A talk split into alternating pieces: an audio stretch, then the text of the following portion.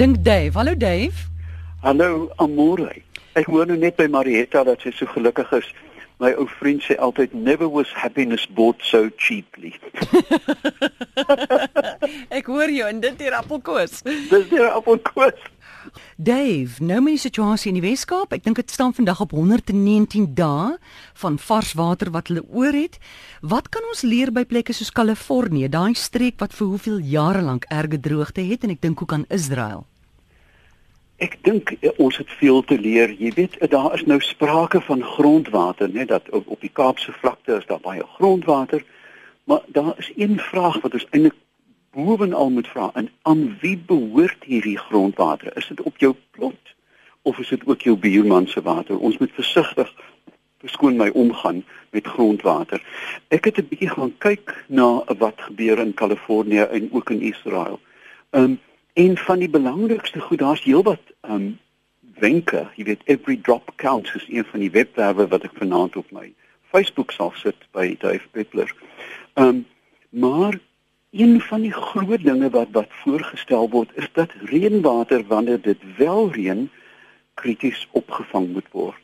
En 'n mens dink dit is nonsens, maar as jy dink hoe groot 'n huis se dak is of hoe groot 'n woonstel se dak is, dan kan jy met 'n paar tanks water baie ver kom indien jy jou tuin aanpas by droogte toestande.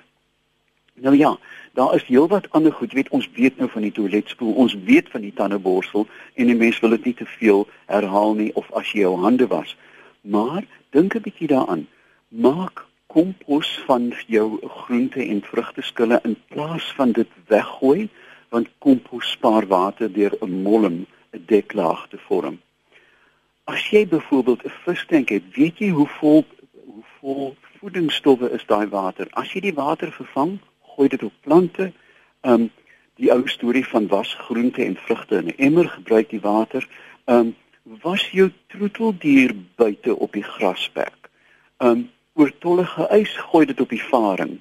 Um maar vir my een van die belangrike dinge is indien jy wel 'n plant nat maak, maak hom liewer diep nat nou en dan as elke dag 'n klein bietjie water want dit dwing sy wortels na dieper vlakke toe. As jy sê net maar elke 2 weke baie diep nat maak. So, ons kan ontsaglik baie by hulle leer. Hulle het byvoorbeeld klein balletjies op groot opvangdamme gegooi. Weet wat is wat is pingpong in Afrikaans? Tafeltennis. Tafeltennis. Tafeltennis balletjies, miljoene van die goed en dit het verdamping gekeer. Hoe dan so? Hoe werk dit? By by Israel gaan leer oor mikrobesproeiing ek dink nog selfs ehm um, jy weet ons boere kan herbesin oor hoe hulle hulle plante nat maak. So, ons het veel te leer aan Morey en dank die Vader, oh, jy weet 115 dae is daarom in die orde van 3 maande. Ek is seker ons gaan dit maak. Dave, hoe kan 'n tafeltennis balletjie keer dat daar ja. minder water verdamp in 'n dam?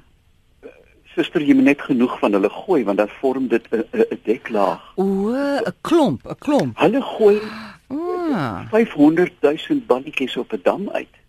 O. Jy verstaan? En dan vorm dit 'n koers van balletjies wat natuurlik aanpas by die wateroppervlakte. Daar kan branders wees. Jy het net balletjie branders. Hmm. Goed, dit maak um, dit maak sin. Gou iets anders. Sekere van ons boere in in sekere gebiede moet ek miskien daarin dink om iets anders te verbou wat minder water vat? Absoluut. Kyk, een van ons groot probleme met landbou in Suid-Afrika is die staat maak op slegs een produk. Diversifisering. Jy moet begin dink aan wingerd en olywe byvoorbeeld. Jy verstaan? Hmm. Ehm um, ons kan nie net dit is baie gevaarlik om op een uh, net op een ehm um, gewas te konsentreer. Gewas staat te ja. maak. Ja. Want as iets dan verkeerd gaan soos met mielies en met koring, dan gaan dit regtig groot verkeerd. So, groter mandjie met meer eiers. Ons wat 'n oproep Charlotte, goeiemôre. Hallo. Goeiemôre. Eh, hey, middag. Uh ja, en Desember maand het iemand jou gebel om te vra van van meeste wat laag oor die water gebou het. Ja. Uh, dit is om te wys dat er gaan droog te wees. As dit ver van die water af hoog bo in bome is, dan dit gaan baie reën. Ja. Haai. Goed. Ek weet nie daarvan nie. Ek dink as die damoppervlakte as dit droog is, is die nes verder van die water en as die dam vol is, is dit is dalk nader. Um, jy, jy bedoel is 'n teken, né? Bedoel meneer is 'n teken. Ja, hoor jy?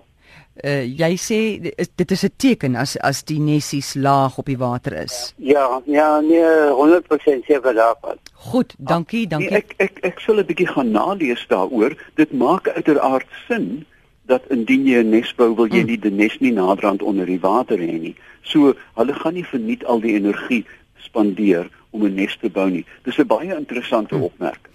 Charlotte, goeiemôre. Goeiemôre. Dis Ginie wat praat. Ek wil net graag vir u vra.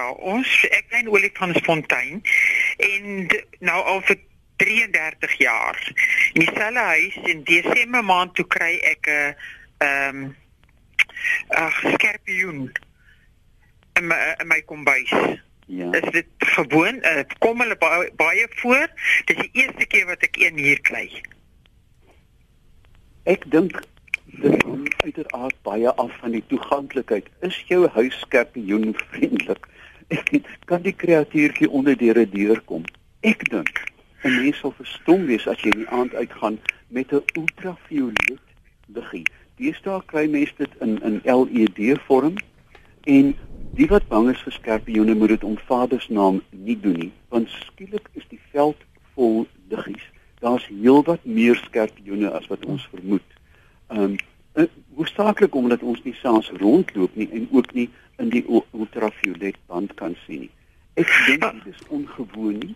Uh, skorpioene kom reg oor Suid-Afrika voor. Maar sy wil weet hoekom jy's nou na 30 jaar. Ek weet nie hy dalk uh, ek dit, daar is geen verklaring voor hmm. eintlik nie. Is daar 'n betonsoom om die huis? Is daar sand om die huis? Um, nou kyk dit vat die kombuis is as 'n kortjard en dit is bakstene en dan is dit 'n trappie voor jy in die kombuis ah, ingaan. Ek ek dink dit was eenvoudig net 'n versperring vir baie meer skorpioene buite die huis as wat jy dalk dink. Mm. Hierdie een het dit uiteindelik gemaak. Ek gaan gaan koop tog eendag, dit kos bitter min, 'n klein LED liggie wat in die ultraviolet in gaan stap saans. Ja. Jou waarborg jou hare gaan oorent staan. Oek. Okay.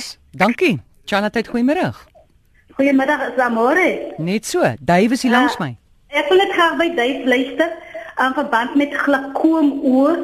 Mm -hmm. En dan wil ek luister by hom, wat is die uitwerking van dagga op 'n mens? Goed, uh, wat wil jy weet van glaukoom oor? Wat wat wat gebruik 'n mens vir glaukoom oor? Waaroor waar die ontstaan dit?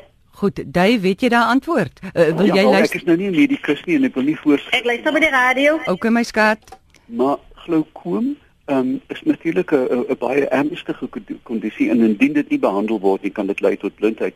En die behandeling vir glaukoom is atropine, as ek dit reg het.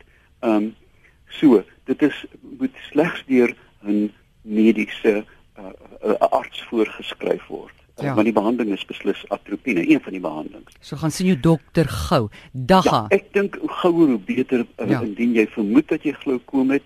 Hierdie is 'n ernstige toestand en moet deur 'n dokter behandel word. Tweedens die uitwerking van dagga. Nou ja, dagga is so oud soos die mens homself. Jy weet dit kom van ver af van Piet Leroux se plaas. en ehm um, dit is natuurlik een van die van die van die bekende dwelms wat 'n mens se persepsie hoofsaaklik van tyd verbrokkel. Jy weet jy dink 'n ding gebeur of vinnig of stadig, jy's geneig tot 'n uh, uh, ewige giggel. Nou ek het persoonlik uh, en ek sê dit slegs persoonlik, dis nie RSG se mening nie.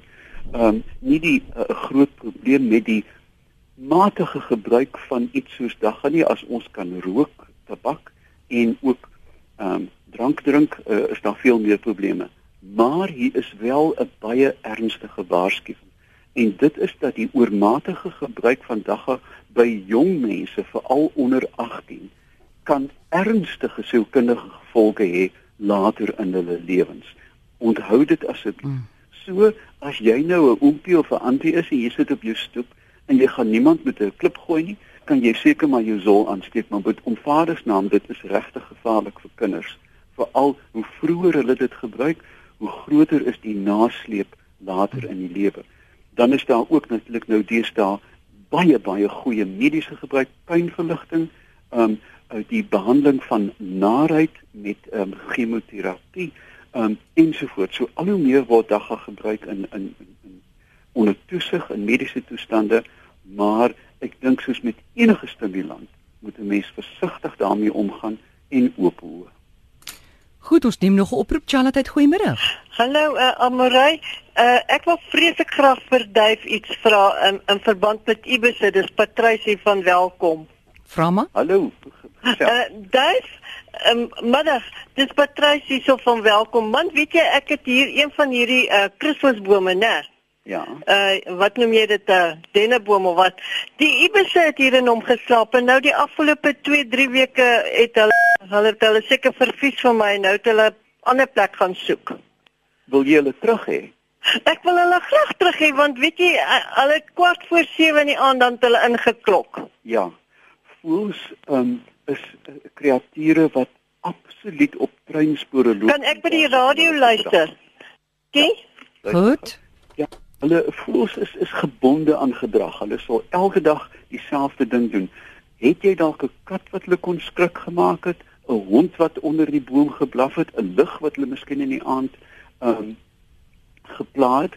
Onthou tog dat indien die iewers die boom oorneem as 'n permanente uh, sitplek, gaan hulle hom doodmis. Uh, die die mis is so gekonsentreer dat die boom binne 'n jaar of 4 sal vrek. So dit is die prys wat jy gaan betaal.